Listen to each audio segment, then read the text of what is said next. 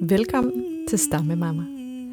Med antropologiske og psykoterapeutiske briller undersøger vi fænomenet forældreskab, hvad vi kan lære af andre kulturer, lige fra Sydfyn til Sydafrika, og vi tager temperaturen på trivsel og tilknytning i det ganske land. Stammemamma kalder til samling. Vil du med? Før i tiden, hvor man levede flere familier sammen, eller flere generationer, havde lidt mere sådan en landsbyagtig måde at være familier på, der havde man i gennemsnit omkring 20 individer, der ligesom var samlet om at løfte hinandens familier mm. på alle mulige forskellige mm. parametre. Og i dag er der to.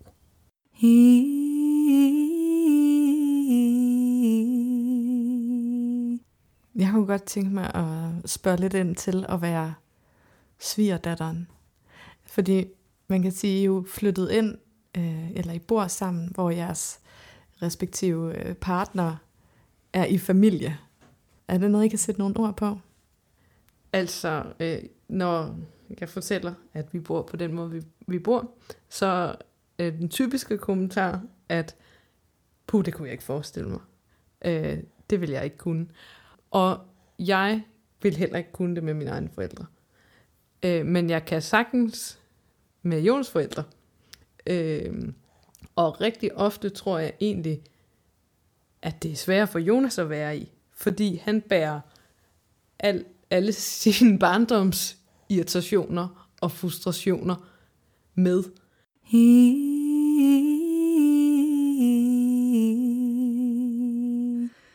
Vil du prøve at fortælle lidt om, hvad Strynø er for en størrelse for folk, der ikke kender til Strynø?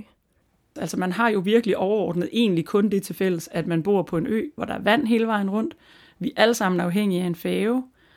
Øhm, og vi er alle sammen ligesom sted i de samme institutioner. Og sådan, der er ligesom, det kan man ikke, der er ikke, der er ikke andre steder at gå hen.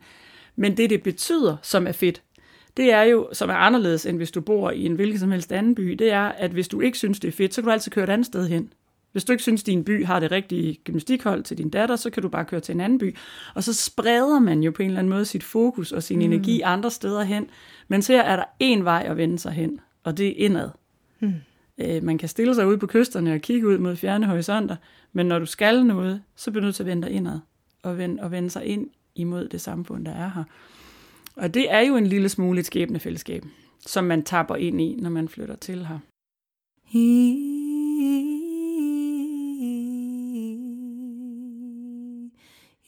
Hvis du kunne lide det, du hørte, vil vi sætte stor pris på, at du smider nogle stjerner efter os, følger podcasten og deler.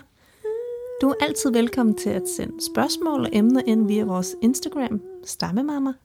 Og ellers siger vi mange tak for, at vi blev inviteret ind i en lille del af din dag.